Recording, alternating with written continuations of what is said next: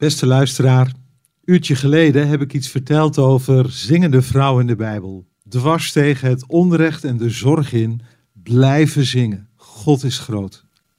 De tamboerijn van ene Mirjam als teken van hoop. En dan nu de blik op Maria, de moeder van Jezus.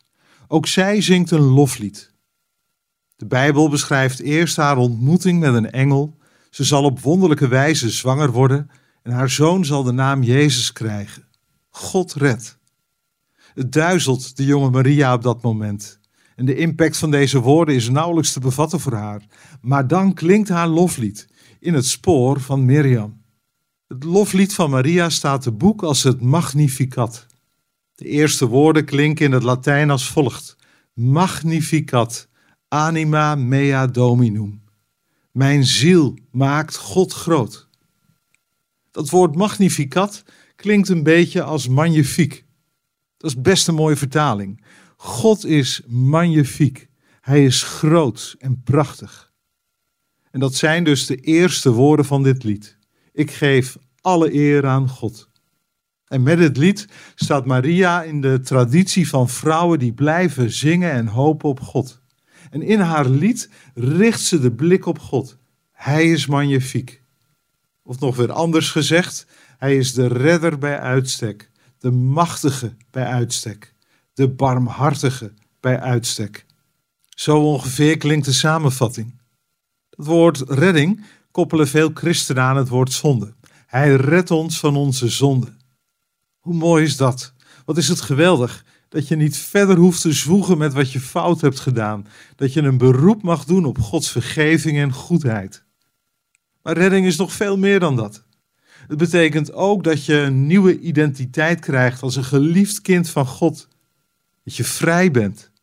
En dat je ook zelf in beweging komt om hulp, redding en zegen te delen met anderen. En dat maakt dat lied van Maria tot een hoopvol lied. En ik voeg er gelijk aan toe: je kunt zoveel redenen hebben om wanhopig te zijn. We leven in een wereld waarin mensen dood en verderf zaaien. Een wereld waarin kinderen misbruikt worden in de seksindustrie. Een wereld waarin miljoenen mensen nog steeds in slavernij werken om onze welvaart hoog te houden. En dan heb ik nog niets gezegd over onze persoonlijke verhalen, waarin we de rekening niet kunnen betalen, waarin we worstelen met ziekte, waarin we in een burn-out belanden. Dan is het revolutionair om te blijven zingen. We geloven dat God magnifiek is en dat de duistere machten niet het laatste woord zullen hebben. We blijven koppig hoopvol. En deze hoop brengt met zich mee dat we altijd de tamboerijn bij de hand zullen houden. Want er komt een moment dat God de wereld op zijn kop zet. Maria gebruikt deze woorden in haar lied. De heersers stoot hij van hun troon en wie gering is, geeft hij aanzien. Wie honger heeft, overlaat hij met gaven. Maar rijken stuurt hij weg met lege handen.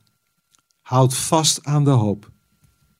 Weet je, soms hoor ik christenen heel low profile over hun geloof praten. Iets als: geloven is voor mij dat ik van andere mensen hou.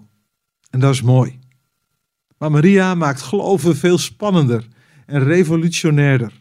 Het is een beweging van koppige hoop en redding. Een beweging die blijft zingen: God is magnifiek. Jezus is magnifiek. Hij zet deze wereld en mijn leven op zijn kop.